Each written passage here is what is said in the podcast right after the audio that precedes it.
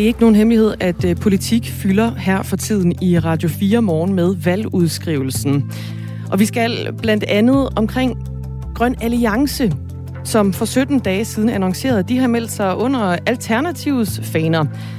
Men når du skal i stemmeboksen den 1. november om 25 dage, så bliver det ikke muligt at sætte kryds ved en eneste kandidat med en fortid i Grøn Alliance. Der er nemlig ikke nogen af deres kandidater, der stiller op for Alternativet. Og med cirka et kvarter, der spørger vi partisekretæren fra Grøn Alliance, hvorvidt der i virkeligheden er tale om en øhm, nedlæggelse mere end en fusion. Det blev øh, øh, fremlagt som en grøn sammenlægning på Alternativets hjemmeside. Grøn, Alliance, øh, grøn Alliance er en hybrid mellem Veganerpartiet og De Grønne. Veganerpartiet var opstillingsberettiget til folketingsvalget, men så ikke ud som om, at de ville komme ind i meningsmålingerne. Og øh, De Grønne var et øh, lidt mere... Øh, var et lille parti. De, de havde ikke særlig mange vælgererklæringer, og var ikke i nærheden af at blive opstillingsberettiget. Så altså, de to slog sig sammen et, til Grøn Alliance for et ja. par måneder siden. Ja, det er også et forsøg på at komme op over spærregrænsen, så man har noget øh, grønt inde i Folketinget. Nemlig. Og i endnu et forsøg på at styrke den mulighed, har de altså slået sig sammen med Alternativet. Men spørgsmålet er så, hvor meget det er en sammenlægning, og hvor meget det egentlig bare er en, en nedlæggelse af eget parti. Vi skal også omkring en øh, dyr kold øh, vinter for øh, mange. Derfor så er der også rigtig mange, som kommer til at søge julehjælp i år. Det er i hvert fald en forventning hos øh, de mange julehjælpsorganisationer, som vi har øh, talt med her på øh, redaktionen. Og vi runder det med Anders Ladekarl, som er generalsekretær i Røde Kors. Hvis der er noget, du hører her i programmet, som du har lyst til at bidrage til, eller kommentere på, eller komme med spørgsmål til de kilder, vi taler med, så skal du altså ikke tøve. Du skal bare tage din telefon og skrive ind på øh, 1424. Lige nu er klokken øh, 7 minutter over 7. Det er Radio 4 morgen. Godmorgen. Mette Frederiksen mødte pressen øh, efter, at øh, regeringen, altså Socialdemokratiet, havde indgået en øh, aftale om et forståelsespapir med støttepartierne SF, Radikale Venstre og Enhedslisten tilbage i 2019. Og dengang sagde hun sådan her. Vi har jo stillet os den øh, historisk øh, opgave øh, at lave en øh, politisk forståelse, en politisk fællesmængde mellem øh, de fire partier, der øh, både øh, udgør den kommende regering og så øh, det parlamentariske grundlag. En retfærdig retning for Danmark hed det. Men hvordan er det gået med de her forskellige punkter i det 18 sider lange forståelsespapir? Det øh, fokuserer vi på i Radio 4 morgen i øh, dag og i øh, de kommende dage i den kommende uge.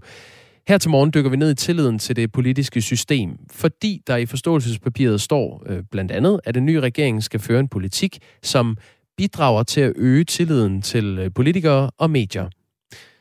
Partierne ville altså sætte gang i et arbejde, der skulle, citat, styrke tilliden til centraladministrationen, medierne og de politiske beslutningsprocesser, citat slut.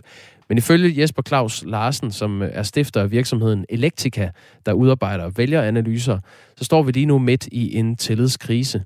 Vi har rigtig mange vælgere, som i, i nu, på nuværende tidspunkt står og stiller spørgsmålstegn ved, om øh, politikerne, det politiske system i det hele taget, om de egentlig har de svar, øh, som, som rigtig mange vælgere søger.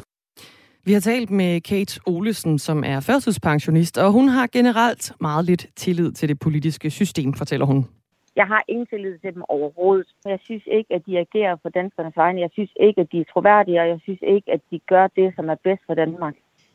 Jeg synes, der er nogle enkelte derinde, der gerne må blive, men ja, jeg synes, øh, jeg synes 90 procent, de måtte gerne ryge igen. Det synes jeg godt nok. Altså, synes jeg, faktisk, altså, jeg synes, der er alt for mange partier, og det er måske også derfor, der er så meget øh, rod derinde også. Det er svært at få, få ting ordentligt igennem.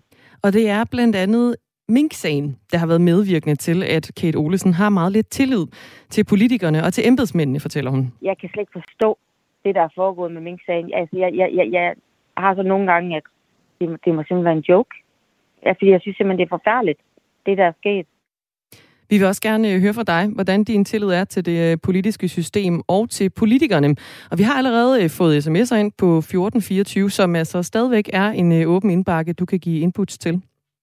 Der står her i en sms fra en underskriver, der kalder sig Tykmis. det var da fredag sagt et navn. Hej Tykmis. Uh, Tykmis skriver, Ingen tillid, slet ikke efter de sidste tre år. Uh, her har begge sider udstillet inkompetente, og uh, levebrødspolitikere er det eneste, der er, og med Mink-sagen døde demokratiet helt. mener Tygmis. En øh, anonym skriver, stem blankt og vis Folketinget, at de ikke repræsenterer folkets mening. En anden skriver også, nej, det har jeg ikke. Hvorfor aflive mink, når man ikke gør det i andre lande? Det er altså lidt ligesom øh, også Kate Olesen, vi hørte fra her, som også peger på den her mink-sag, som noget, der har fået øh, hendes tillid til at droppe til politikerne. Måske man skulle gøre op med, eller omstrukturere lønnen i Folketinget. De folkevalgte skal sidde der, fordi de brænder for det, ikke på grund af lønnen. Stoler ikke på alle politikere står der også i en uh, sms uh, til os. Du kan altså uh, give dit besøg med på, uh, på 1424. Nu siger vi godmorgen til dig, Karina Nielsen. Godmorgen. Godmorgen.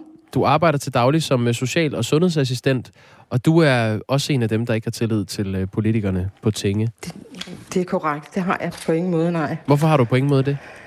Jamen altså, altså som sagt, så har jeg det også sådan, jeg har sådan lidt, når, når de står og vifter med noget i venstre hånd, så har jeg en følelse af, at det er højre hånd, jeg skal holde øje med. Hvorfor øhm, det? Ja, fordi at, at det, det startede også under den her Ming-sag. Altså, der det, det virker som, at, øh, at det, ja, der er sms'er, der forsvinder, og, øh, og hemmelige møder, lobbymøder. Øh, så jeg har en følelse af, at, at øh, de er ikke til for mig. Generelt, så, som der også bliver sagt tidligere, altså det er levebrødspolitikere. Det er ikke kald i dag. Øh, frem for, at, øh, hvad, det var, hvad jeg har indtryk af, hvad det var tidligere. Tidligere, der var man politiker, fordi man havde en holdning. I dag, der er man politiker, for det er en karriere.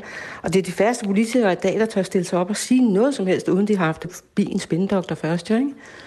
Hvad, hvad bygger det du det på, at, at de ikke øh, brænder for det? Jamen, jamen, jeg tror sådan set nok, at de brænder for det, men de brænder mest for deres karriere. Hvor, hvordan kan øh, du se det? Altså, jamen, det, det er jo sådan, hvordan vi kan se, når de går ud af politik, øh, så direkte videre i, i, i topstillinger, øh, enten ude i EU eller ude i det danske erhvervsliv, ikke? Men er det ikke fair nok, altså når man er færdig med at være politiker, at man gerne vil have et uh, spændende job? Jo, men det skal bare ikke være årsagen til, at man er i politik. Og det har du et indtryk, der? Det har jeg et indtryk, der, ja. Hvad, hvor kommer det indtryk fra? Jamen, altså, det, det, det kommer fra, at, at, øh, at, at igennem det sidste år har, har man jo oplevet, at når folk, øh, vores minister forlader posten, jamen, så er det videre til endnu højere stillinger, som det virker som, det har været planlagt på forhånd, ikke? Der er jo øh, også historisk mange partihoppere, altså øh, ja. politikere, der lige pludselig ja, bliver... Det, for, det forstår jeg simpelthen ikke, at, at man, man kan få lov til. Det forstår, det forstår jeg simpelthen ikke. Altså, jeg kan ikke forstå, hvis man, man stemmer øh, at stille op for SF, og man får 10 person, eller 10.000 øh, personlige stemmer, at man så lige pludselig kan midt i en valgkamp, eller midt i en valgperiode, så blive konservativ og trække de 10.000 stemmer med sig. Det, det, det er der ikke, det kan man ikke vide over for sine vælgere. Er, er der nogen politikere, du har tillid til? Øhm, på nuværende tidspunkt, nej. Og det er jo så ret sørgeligt.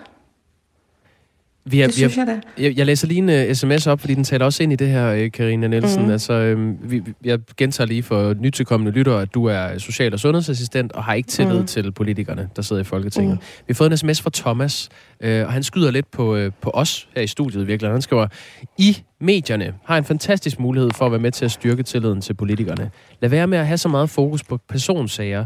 Hold politikerne op på at levere politik, øh, ignorere deres smedekampagner og fremhæve de politikere, der kommer med politiske budskaber. Sidst men ikke mindst, spred budskabet hashtag en værdig valgkamp. Tror du, det vil ændre noget for dig? Altså hvis, øh, hvis vi var bedre til ikke at gå ind i de der øh, øh småpafide øh, personangreb, der også fylder meget i politik? Hmm, det, altså, det, altså, det ved jeg ikke, fordi at generelt så synes jeg, at politik øh, jo er en lunken ting. Altså, øh, jeg, jeg sad og kiggede på min vandhane i går, ikke? og der er rød, og der er blå, og når den står i midten, så den lunken. Ikke? øh, Ja. Og, og det er sådan, det er lidt det samme med politik, øh, så det er sådan lidt en lunken sag, øh, og det, det, det er egentlig, de taler pænt til hinanden og sådan noget, men det er lunken politik, der kommer ud af det, ikke? Men skal der ikke også øh, være lunken politik? Hverdag... Altså, man kan jo ikke bygge et samfund på, på skoldende hit eller iskoldt vand. Nej, altså, man er nødt til at men, indgå men nogle det, pragmatiske løsninger. til, det er, når så politikken kommer ud, altså, der har været skiftende regeringer, i, jeg har været øh, ansat i sundhedssektoren i mange år, og der har virkelig været mange skiftende regeringer. Og, og hver gang der har været valg, så har de jo stået og lagt ansigtet i de rigtige folder og sagt, at nu vil de gøre en masse ting for sundhedsvæsenet, og vi, vi mangler jo folk og sådan noget. Og uanset om det har været rød eller blå, altså, så er det ikke noget, vi har kunne mærke herude. Altså, der er ikke sket noget herude. Altså, tværtimod er det blevet, bare blevet forringet og blevet forringet, ikke? Altså, uanset om man er enig i de beslutninger, der så bliver truffet på Christiansborg, så øh, laver politikerne jo lovgivning, som har en reel betydning for øh, en del danskers hverdag. For eksempel når der bliver lovgivet om, at elafgiften skal sænkes, eller øh, mm. hvornår man kan gå på pension, og, og i det hele taget, hvor meget vi skal betale i skat. Så det gør vel mm. en forskel, hvilke politikere, der sidder i Folketinget? Jamen, det er, altså, sådan som jeg oplever det, så er det kun på kommærerne. Altså, som den, som den almindelige dansker, så er det jo kun på kommaer, der bliver rykket. Det er jo, det er jo ikke, altså, hvis, hvis der bliver lovet skattelettelser, så, øh, så det er jo ikke noget, jeg kommer til at mærke. Jeg får, det kommer jeg jo ikke til at få 5.000 ekstra kroner i måneden. Det er jo kun kommaer, der bliver rykket. Det vil sige, at min dagligdag det er nok ikke det er noget, det jeg kommer til at mærke det store til. Du, øh, du er ikke alene med dit uh, synspunkt, Karina Nielsen, kan jeg godt afsløre med et, uh, et venstre øje over på sms-inboxen her.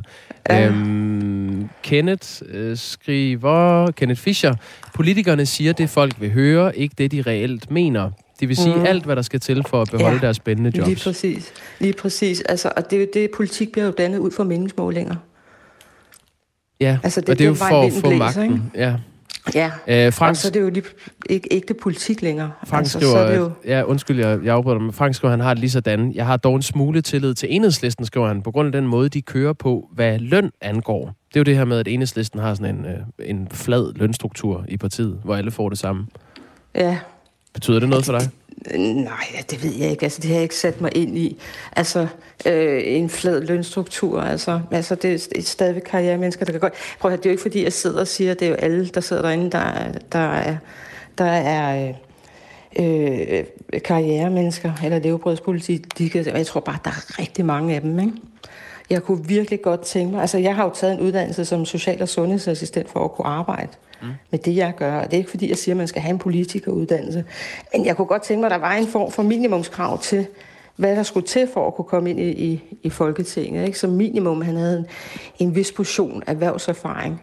Det vil sige, at man vidste, hvad det ville sige at gå på arbejde hver dag og, og tjene til, til den daglige ja, øh, brød og smør og husleje. Gør det nogle øh, forskel for dig? Tider, ikke? Øh, det vil nok gøre, at øh, vores politikere, politikere kunne se os bedre i øjnene, ikke? og være lige øjenhøjde med os. Ikke? Her kommer en sms, som er et øh, ikke et totalt ledet standpunkt, men dog et øh, lidt underbelyst standpunkt. Den kommer fra Allan. Jeg forstår ikke den mistillid, der er til politikere. Jeg tror, jeg har tillid til alle, stort set. Hvorfor skulle de ikke gøre deres bedste af oprigtige motiver? Det er som om, at det er moderne at have politikere ledet. Men er det ikke bare danskerne, som siger det, øh, hvis der er en sag, de ikke selv er enige i? Synes, det er et håbløst og ukonstruktivt og ligegyldigt emne. Det er en meget trist tilgang og øh, diskussion. Hilsen, Allan. Jamen, det, han kan da ret i, det er en trist tilgang. Ikke desto mindre, det er en realitet.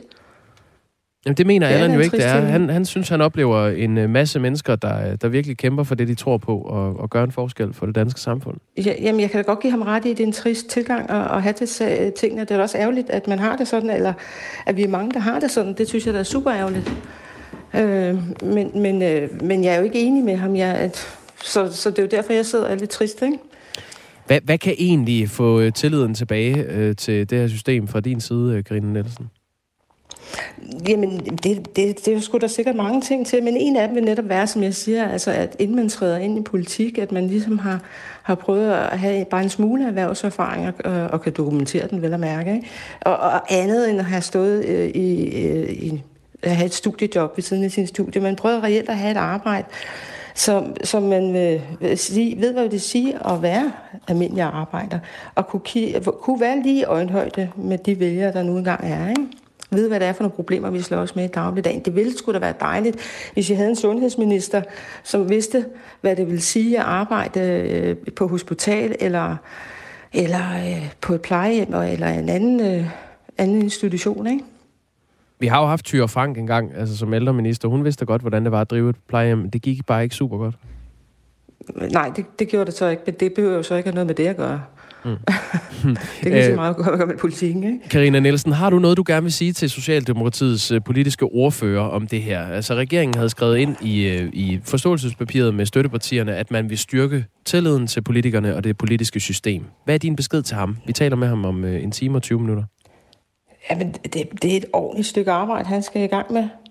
Øh, jeg tror, man skal, jeg skal tænke det helt forfra øh, i forhold til politik. Altså, jeg tror, det, det er desværre en vej, vi er på vej nedad, og altså, jeg har ikke løsningen på, hvordan man gør, men, men netop øh, igen øh, få vores politikere ud og,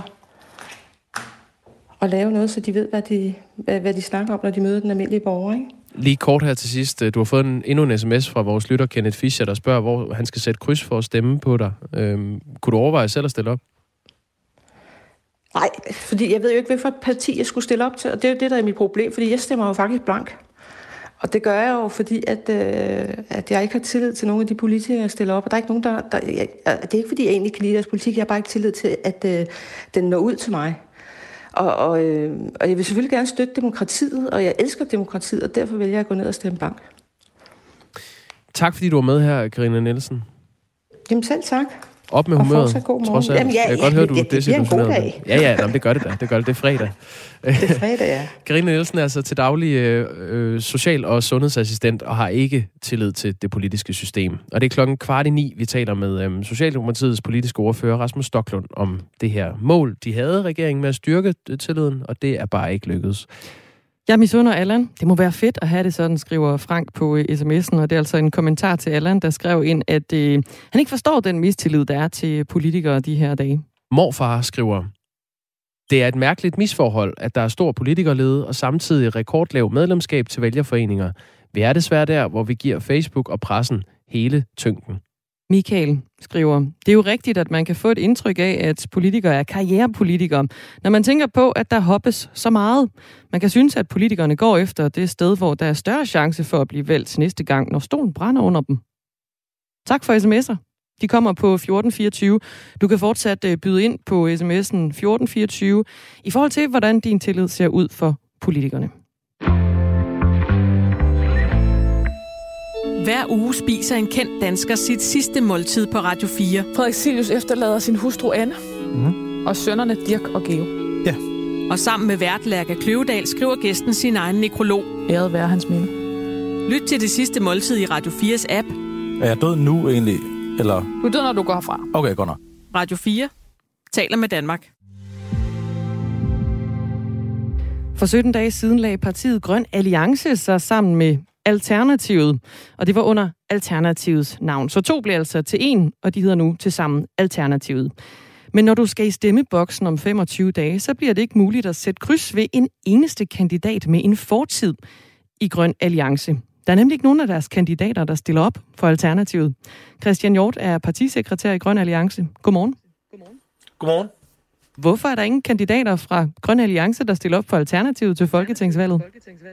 Jamen først og fremmest, så kan man sige, det her er jo en lang rejse for os for Grøn Alliance. Altså vi har jo været Veganerpartiet først, og der blev vi jo enige om med vores generalforsamling tilbage i sommeren, at vi vil blive til Grøn Alliance. Og når der så sker det, at der bliver fremskyndet et valg så hurtigt, som der gør, så skal der også træffes nogle hurtige beslutninger. Og der har det været vigtigt for os alle sammen, at det handler ikke om, hvem der er i front, eller hvem der stiller op. Det handler om, at vores politik i Grøn Alliance bliver løftet med og båret med ind i Alternativet. Men hvorfor er der ikke nogen af kandidaterne fra Grøn Alliance, der stiller op for Alternativet? Jamen, det forstår jeg ikke, hvorfor det er så vigtigt. Øh, man kan sige, det der jo er, det er, at vi har jo allerede vores partileder Henrik Windfeldt, og han har jo været ærligt ud og meldt ud, at han har brug for en pause. Havde valget været til sommer, så tror jeg faktisk, han var stillet op. Men lige nu har han brug for en pause, kan man sige. Og han var jo ligesom vores øh, spids og vores øh, ultimative kandidat. Man skal jo også forstå, at vi var jo ikke så mange kandidater i Grøn Alliance. Vi var jo et meget lille parti. Så det er jo ikke nogen stor ting, at vi egentlig ikke stiller op øh, under Alternativet. Det, der er vigtigt for os, det er, at vores politik kommer med ind i Alternativet. Det er altafgørende for os, og det er jo derfor, vi i tidernes morgen stiftede Veganerpartiet, og senere slog os sammen til Grøn Alliance. Mm. Vi har været det i kontakt for, at ligesom... med fire ja. ud af fem af dem, som skulle have været folketingskandidater fra Grøn Alliance, altså øh, før øh, Grøn Alliance gik ind i Alternativet. Men ingen af dem har ønsket at udtale sig om, hvorfor de ikke stiller op mere. Øh, og, og det kan jo være interessant så at finde ud af, om kandidaterne var uenige i, at Grøn Alliance skulle slå sig sammen med Alternativet.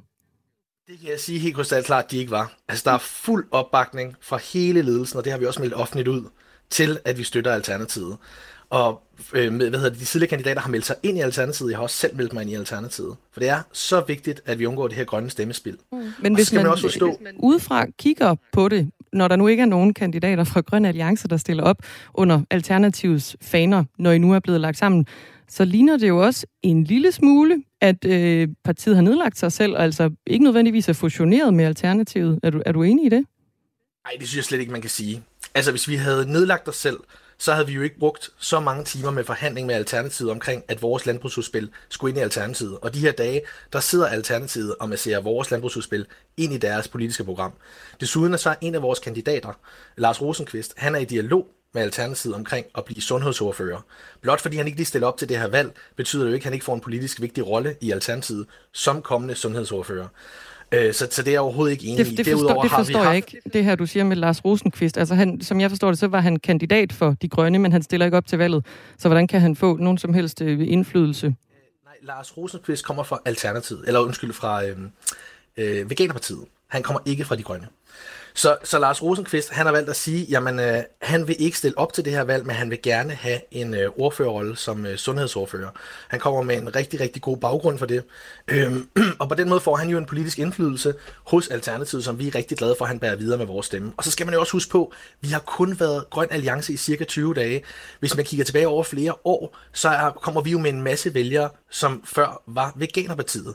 Og fra Veganerpartiet, der har vi jo både Michael Mondberg, og vi har Simon, og vi har Anna, øhm, og vi har Lise Lotte, som er gået med ind i partiet. Så vi har jo en Christian masse Hjort, jeg stopper dig lige her, øh, partisekretær i Grøn Alliance. Jeg skal simpelthen lige forstå det her med, at øh, Lars Rosenqvist, han var kandidat for, du siger Veganerpartiet, som jo gik ind under Grønne, som nu går ind under Alternativet. Altså der er sådan en trip-trap-træsko, som ender i Alternativet.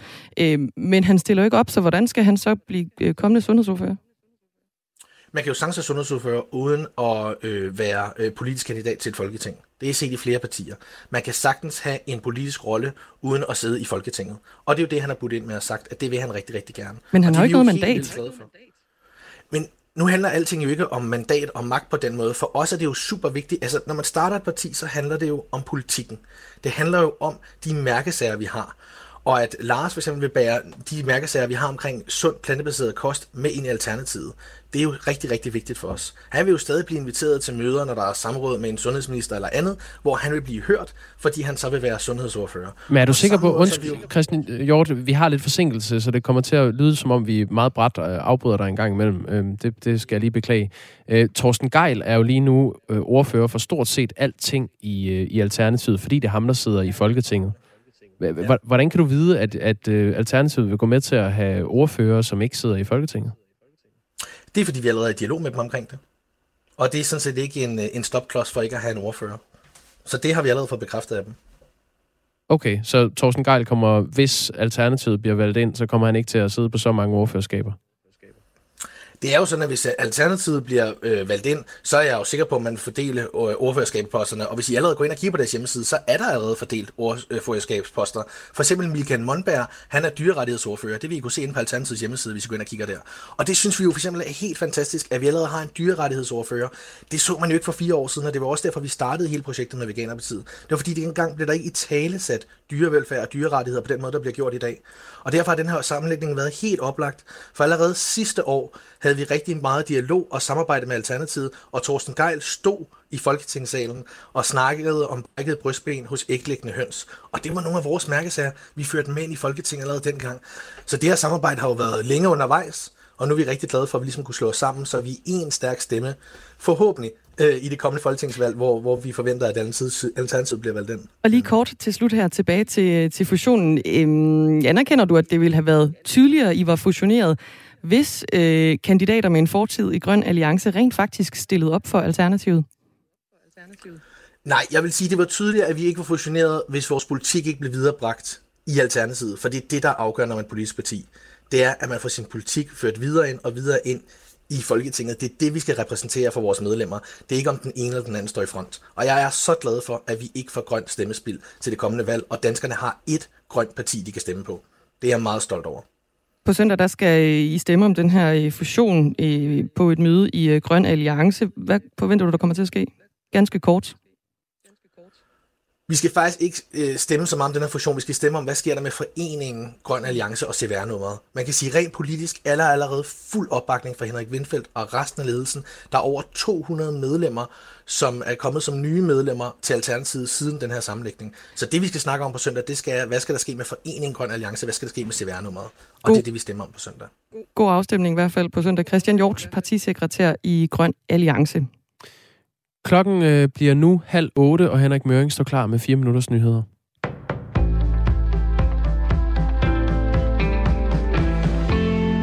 De første fem sager, hvor patienter har søgt erstatning for fejlamputation i Region Midtjylland, er nu blevet afgjort af patienterstatningen.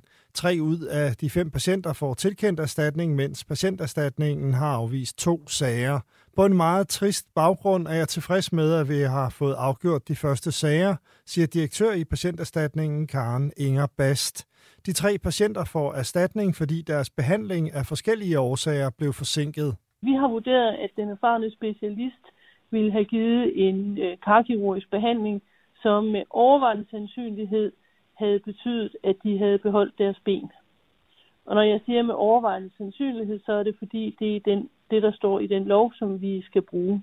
Sagen begyndte at rulle, da en ekstern rapport i foråret landede på bordet hos Region Midtjylland. Den pegede på, at op mod 47 patienter om året muligvis kunne have undgået eller udskudt deres amputation, hvis de på et tidligere tidspunkt i forløbet havde fået den nødvendige behandling. I de fem afgjorte sager har to af patienterne fået ca. 400.000 kroner i erstatning, og en patient har fået ca. 300.000 i erstatning. Det er mindre sandsynligt, at Rusland vil gennemføre en påvirkningskampagne rettet mod folketingsvalget i Danmark. Så lyder det i en fælles vurdering fra Forsvarets efterretningstjeneste og politiets efterretningstjeneste. PET skriver, at de to efterretningstjenester ikke tidligere har konstateret fremmed statslig påvirkningsvirksomhed i forbindelse med valg herhjemme. Til gengæld er der flere eksempler på det fra udlandet. Det forventer tjenesterne dog ikke vil ske i Danmark i forbindelse med det kommende valg. Hverken fra Rusland eller Kina, siger kontraspionagechef i PET Anders Henriksen til Ritzau. Statsministeren erkender, at hun begik flere fejl i forbindelse med håndteringen af Mink-sagen og coronakrisen. Det sagde Mette Frederiksen i hendes tale ved Folketingets åbningsdebat sent i aftes. Statsministeren erkendte, at det var en fejl, da hun under et pressemøde sagde lev med det om sms'er med en hård tone. Det blev sagt i en kontekst om, at nogle gange, når man krisehåndterer, så kommunikerer man måske lidt mere direkte og lidt mere uden filter, end man bør gøre i alle mulige andre sammenhænge. Men erkendelserne kommer måske for sent, siger Radio 4's politiske redaktør Thomas Larsen. Og jeg tror selv, hun skubbede en del vælgere væk, da hun meget, meget skråsikkert kom med det der udsagn. Lev med det. Altså, det er jo næsten blevet sådan et slogan, som man har kunne hæfte på, på statsministeren, fordi hun så konsekvent altså, har afvist, at der ligesom skulle være noget galt i hele det her øh, forløb.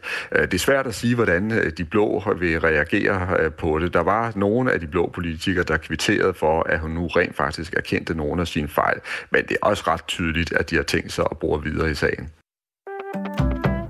Tre er døde efter skud på en uge, og i alt fem er ramt af skud på to uger i den svenske by Södertälje. Øh, en 19-årig mand er død, og en anden person er alvorligt såret efter et skyderi i går i byen, der ligger nær hovedstaden Stockholm, skriver TT.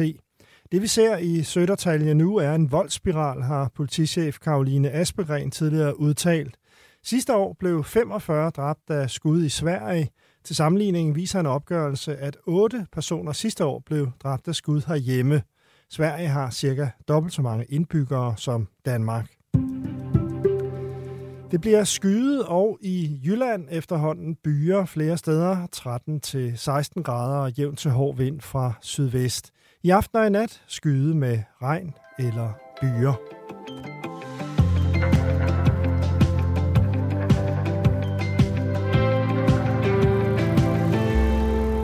Med 14 opstillede partier og masser af kandidater, så kan det ikke passe, at man ikke kan finde en kandidat eller et parti, man vil støtte. Øh, man behøver jo ikke være 100% enig i alt. Ellers bør man selv stille op.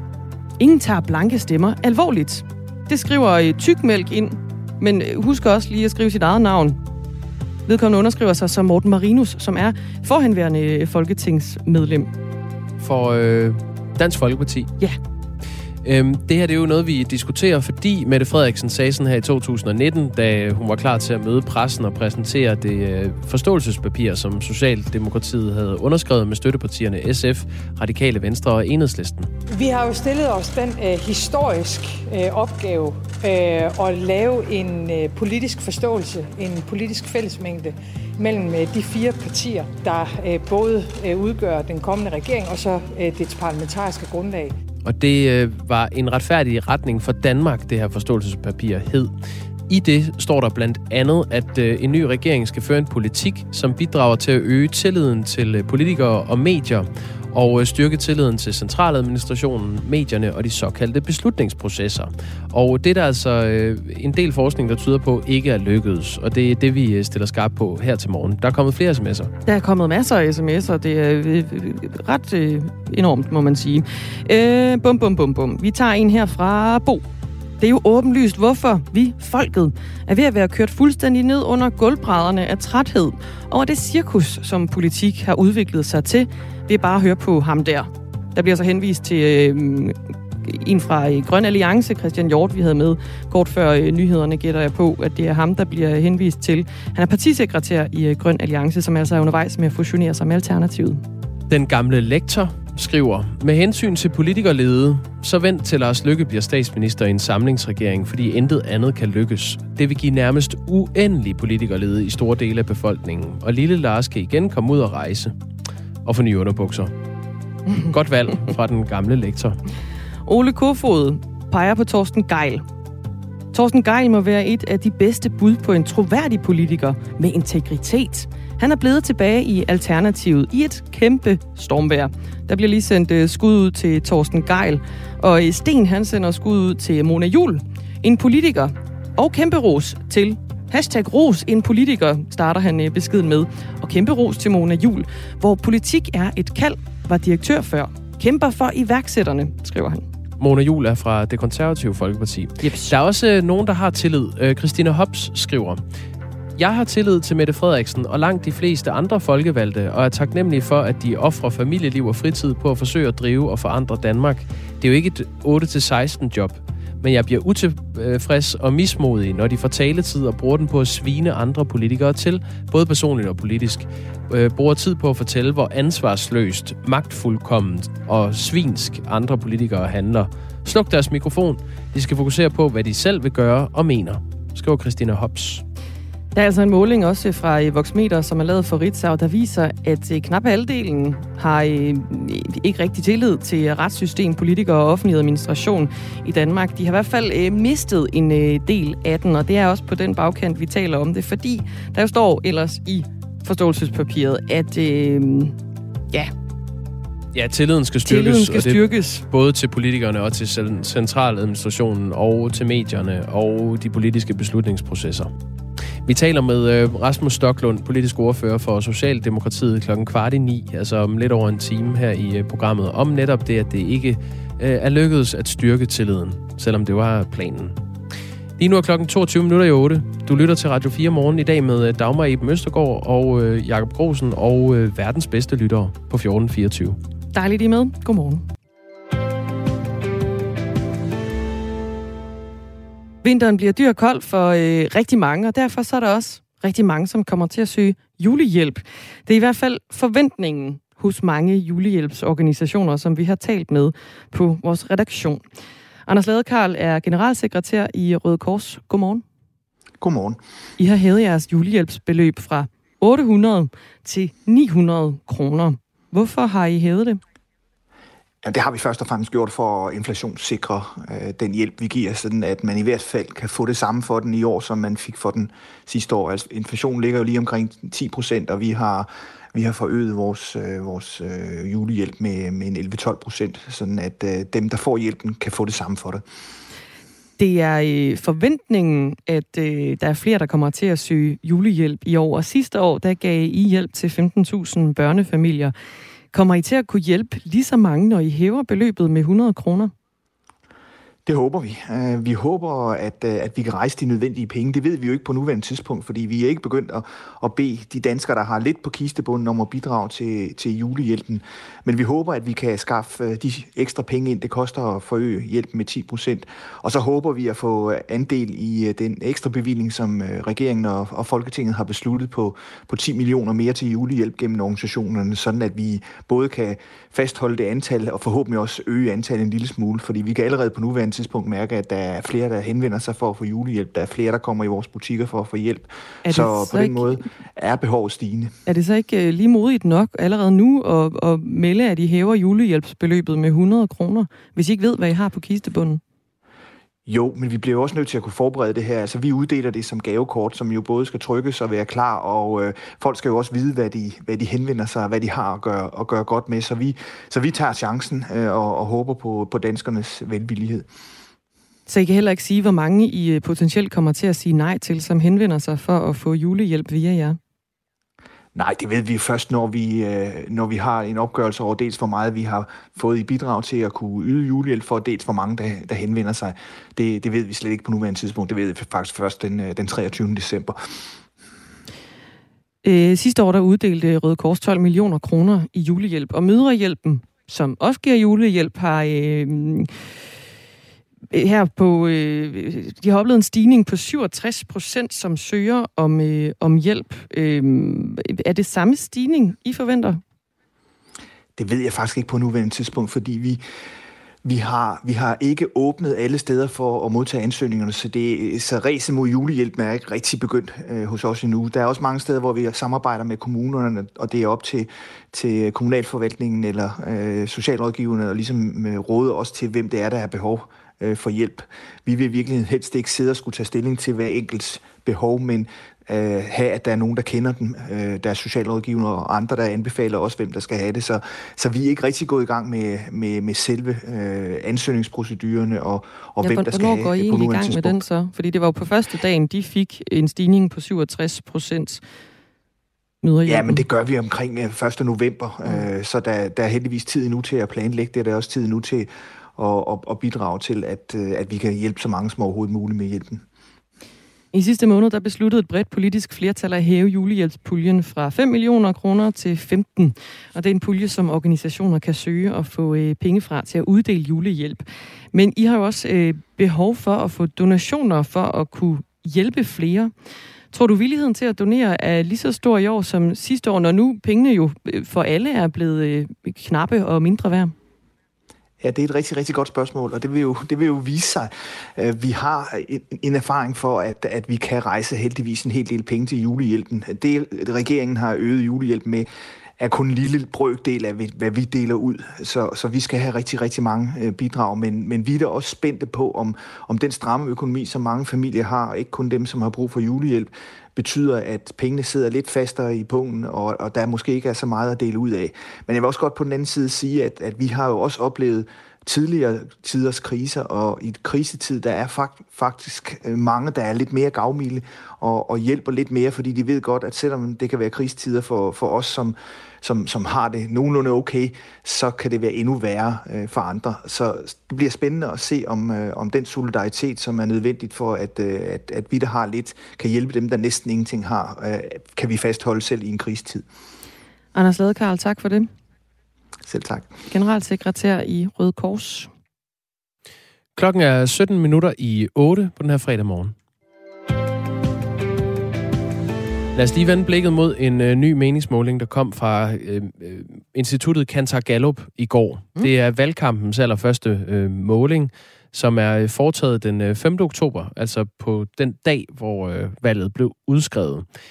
Her er der nogle øh, ret opsigtsvækkende ting. Sådan overordnet set kan vi sige, at Socialdemokratiet går frem for faktisk, øh, lige nu står de til i den her måling i hvert fald, at få et bedre valg, end de fik ved valget i, øh, i 2019. Øhm, så går Moderaterne frem, og de ja. går kraftigt frem. Nå. Lars Løkke Rasmussens parti. De har jo øh, kæmpet lidt med spærregrænsen. Øh, ja, men det er en saga blot. De er jo bare gået frem og frem og frem, og mm. nu er der jo flere, der peger på, at, øh, at Lars Løkke Rasmussen øh, var en af de partiledere, der klarede det bedst ved partilederrunden på aftenen for, mm. for udskrivelsen af valget. Og, øh, og den er altså foretaget, inden han klarede det godt der. Så, så han kan se frem til endnu et rygstød? Det kan vi ikke vide, men øh, man kan kun gisne. Han, han står til, øh, til 6,1 mm. procent af stemmerne, øh, moderaterne.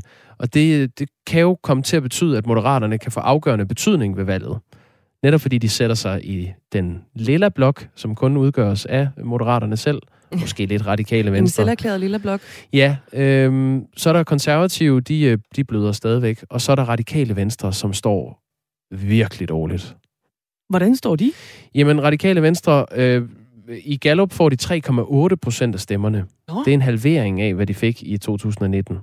Øh, hvis man sammenligner med, med de andre øh, målinger, der er foretaget fra Opinion og Megafon, der får de 4,9 og 4,1 procent. Så det, det ligger ikke godt øh, for, for radikale venstre.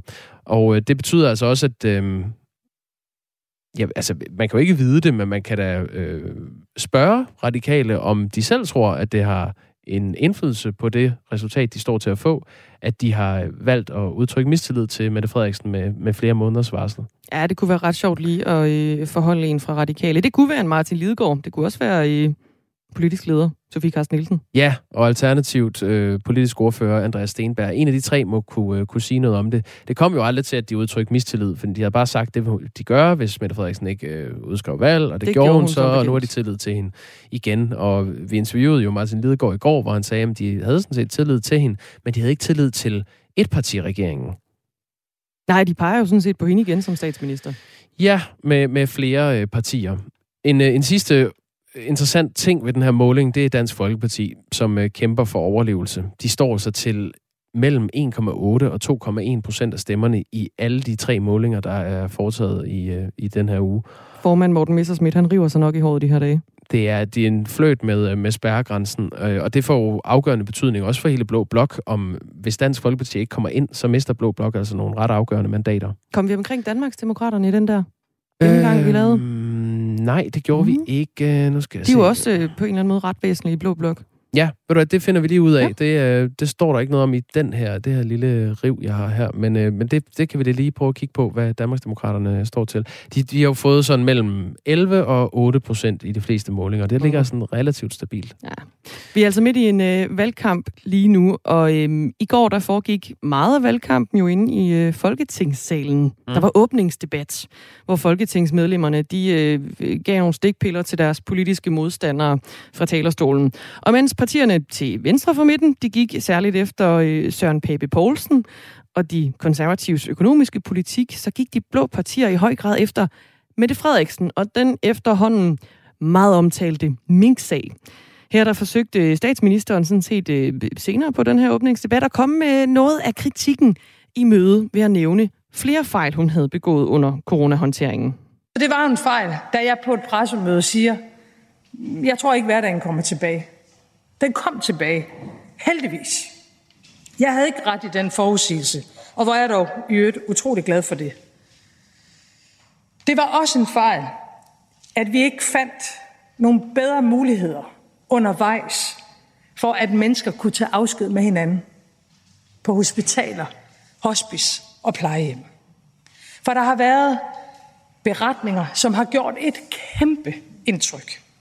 Og det piner mig, men på det tidspunkt, vi stod i det, der var vi så bekymrede for smittespredning, at vi ikke kunne se, hvordan vi kunne gøre det anderledes. Og det var også en fejl, da jeg på et andet pressemøde sagde, lev med det. Det blev sagt i en kontekst om, at nogle gange, når man krisehåndterer, så kommunikerer man måske lidt mere direkte og lidt mere uden filter, end man bør gøre i alle mulige andre sammenhænge, hvor presset ikke er lige så stort. Og det var faktisk tænkt som et forsøg på at forsvare nogle mennesker, som stod midt i krisehåndteringen, og som ikke kan forsvare sig selv i offentligheden. Men det kom jo til at lyde for hårdt. Det kom til at lyde sådan, at jeg bare, som statsminister sagde, lev med det. Det var ikke det, der var min intention så var det en fejl at sige sådan på et pressemøde. Ja, det var det jo. Så ja, vi har begået fejl, og jeg har begået fejl. Men jeg er nødt til at sige, at det var ikke en fejl at slå mængdene ned i Danmark. Ja, sådan lød det fra statsminister Mette Frederiksen under Folketingets åbningsdebat i går, hvor hun øh, erkendte, at hun og regeringen har begået en stribe fejl i forbindelse med håndteringen af Mink-sagen og coronakrisen, men det var altså ikke en fejl at slå minkene ned. Spørger man politisk redaktør på Radio 4, Thomas Larsen, så er det øh, på mange måder en øh, undskyldning, som falder på et tørt sted. Men det er også en undskyldning, der er sent på den, siger han. Det store spørgsmål er måske, om de her erkendelser ikke, og beklagelser, om de ikke kommer for, for sent, fordi hun jo altså hidtil altså, så stedigt har afvist, at hun har begået øh, fejl. Så, så jeg tror, der vil være øh, nogle vælgere, der vil sige, at det her det kommer for sent til, at det er troværdigt. Øh, omvendt så var det virkelig altså et af de tidspunkter, hvor man rent faktisk lyttede efter, hvad der blev øh, sagt i Folketingssalen, fordi hun jo nu for første gang altså går ud og siger, ja, jeg begik også selv nogle, nogle fejl, og det er jeg så øh, ked af. Øhm, og på den måde, så øh, tror jeg måske, at hun vil kunne nå nogle øh, vælgere, der netop har savnet den her erkendelse fra hende, og har savnet en refleksion over, at hun undervejs altså virkelig greb øh, forkert i posen. Og jeg tror selv, hun skubbede en del vælgere væk, da hun meget, meget skråsikker kom med det der udsagn, lev med det. Altså det er jo næsten blevet sådan et slogan, som man har kunne hæfte på, på statsministeren, fordi hun så konsekvent altså har afvist, at der ligesom skulle være noget galt i hele det her øh, forløb. Øh, det er svært at sige, hvordan øh, de blå vil reagere øh, på det. Der var nogle af de blå politikere, der kvitterede for, at hun nu rent faktisk erkendte nogle af sine fejl, men det er også ret tydeligt, at de har tænkt sig at bruge videre i sagen. Mette Frederiksen fastholder, at det ikke var en fejl at slå dyrene ned, og det vil hun ifølge politisk redaktør Thomas Larsen blive ved med. Man kan sige, det er en undskyldning, der ligger i yderkanten af, af selve øh, sagen, og jeg tror ikke, hun vil, og jeg tror ikke, hun føler, hun har råd til at gå ind og undskylde for meget for forløbet, fordi der vil hun holde fast i, at de var under et enormt tidspres, og de vil holde fast i, at de advarsler, der kom fra Statens Serum Institut dengang om, at folkesundheden kunne være troet, at øh, minkene kunne tro udviklingen af nye vacciner, var så afgørende, at de virkelig måtte handle, altså, og altså også selvom det skete under det her rasende, rasende øh, tempo. Så det vil hun holde fast i, og det er også helt tydeligt, at hun vil holde fast i, at det efter hendes mening grundlæggende var en rigtig beslutning at slå alle minkene ihjel. Men det er klart, det er en, øh, en debat, der vil fortsætte, øh, og der vil de blå jo holde fast i, at de mener, at der blev lavet nogle graverende fejl netop på grund af hastværket til sidst. Sådan lød det fra politisk redaktør på Radio 4, Thomas Larsen, ovenpå, at Mette Frederiksen altså i går forsøgte at komme Blå Bloks øh, kritik i møde ved at nævne nogle af de fejl, hun havde begået, blandt andet øh, udtalelsen, lev med det. Men hun undskyldte altså ikke for at slå øh, minkene ned. Åh, oh, hvor er det synd for Mette Frederiksen. Det er lige før jeg græder, skriver Søren fra Horsens på 1424. Mette Frederiksen er den perfekte symbiose af dansk leverpostej, makrelsalat og happy-go-lucky. Danskerne tilgiver meget, når toppen, toppen græder krokodilletår, skriver morfar. Øh, angående Lykke, så er han smart. Han går i regering med Mette og bliver udenrigsminister, så bliver Lykke en statsmand. Bare vent og se, siger Lars Madsen, der sidder og kigger i sin øh, spokhule. Det er for nemt at løbe fra fejl og ikke opfylde løfter i dag. Det skal være sådan, at hvis en politiker fremsætter et forslag, så skal de altid fortælle, hvor de vil tage midlerne fra, og de forslag, som de kommer med, skal være mulige. I dag kommer de med forslag, som bagefter viser sig at være helt håbløse, eller alt for dyre, eller ikke mulige, skriver René. Michael fra Aarhus skriver, ja, det var da en fejl, men... Og så pakket ind i andre fejl og en masse forklaringer. Fantastisk, som hun magter at være offer, selvom hun har lavet fejl, øh, og få det vendt til hendes fordel, fordi hun ønsker at øh, blive øh, tilgivet. Skriver Michael. Og Michael, han skriver ind fra øh, Aarhus, kan jeg se. Og det er rigtig dejligt, når jeg lige sætter sådan en øh, lille knappenål i et øh, Danmarks kort, så vi ved, hvorfra I skriver. Vi tager lige en sidste fra Allan. Mm? Jeg synes, det er trist og patetisk, at danskerne bruger så meget tid på politikerlede. Enig i, at politikerne skal stoppe med at beskylde hinanden for noget. Øh, for når de peger på andre, er der tre øh, fingre, der peger på dem selv, og dermed kan skabe mistanke om deres egne motiver og hvad de selv kan beskyldes for. Danskerne burde også tale politik, men ofte tror jeg ikke, danskerne selv har løsninger, og slet ikke nogen, som ikke kun øh, fokuserer på en snæver og unuanceret problemstilling. Derfor snakker danskerne om politikerlede, da det er lettere at beskylde politikerne for ikke at levere resultater, end selv at komme med løsninger. Både danskere skulle finde mere respekt for hinanden, og begge parter skal snakke politik i øh, stedet for at være lede mod hinanden. Trist og meningsløst og resultatløst øh, fokus og diskussioner. Tak for sms'erne. Det var en øh, oprydning i vores indbakke, der ligger for enden af telefonnummer 1424.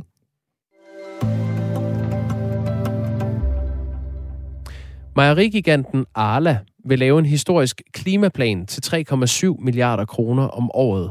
Pengene skal uddeles til de øh, mest klimaeffektive mælkeproducenter. Det sker som et led i at reducere koncernens øh, udledning af drivhusgasser.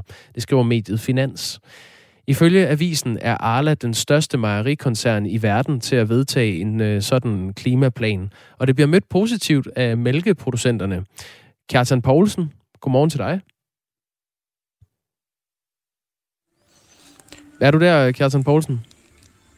Ja. Det var godt. Godmorgen. Formand i Landsforeningen af Danske Mælkeproducenter, øh, Mælkeproducenternes Interesseforening. Hvorfor er du og de andre mælkeproducenter øh, glade for den her plan? Altså først og fremmest så øh, er det jo så rigtigt, at det er klima, vi snakker om, men, men planen her hedder en bæredygtighedsplan, fordi den indeholder også øh, elementer, som, øh, hvor man kan sige, at det jo ikke lige er, er klima, der er tænkt på øh, ud fra det. Øh, så, så den er bredere end, end, end kun lige klimaet. Holder vi os øh, til, til den del, så, så er der jo noget godt landmandskab i den, som man styrker på den her måde, og så er der samtidig de der tiltag, som man kan kalde klima, men også noget med noget biodiversitet, kører på græs og lignende, altså, hvor vi er ude i noget bæredygtighed. Mm. Men hvad er det ved, ved den her klimaplan, du synes lyder godt? Jamen, øh, det gode er jo, at, øh, at vi, vi styrker de ting, øh, som vi jo allerede, kan man sige, øh, godt ved, at, vi, at man skal fokusere på, fordi fodereffektivitet og, og sådan nogle ting, det er jo øh, ting, der i forvejen, øh, kan man sige, gør, at man sparer penge. Så hvis øh, det samtidig kan kombineres med, at, at man også bliver mere klimaeffektiv, så er det jo, så er det jo ren win-win. Ja, det skal uddeles som et, et, øh, et, detaljeret pointsystem, de her penge. Øh, de mest klimaeffektive landmænd kan score 100 point, og så få tillæg på op til 30 øre per liter mælk. Øh, hvad kan du konkret få ud af det som mælkeproducent? Jamen, øh, det er jo så der, hvor man kan sige, at, at vi som forening lige, øh, lige trækker i håndbremsen lidt og siger, øh, nu, nu skal vi passe på, fordi øh, hvis man tager pengene af kassen øh, og deler dem ud til, til nogen, så skal man jo også være helt, helt sikker på, at det sker på en retfærdig måde. Og der må man bare sige, at øh, det er noget, vi kommer til at holde øje med, fordi at vi er et andet selskab, og et andet selskab, der skal, er vi alle lige.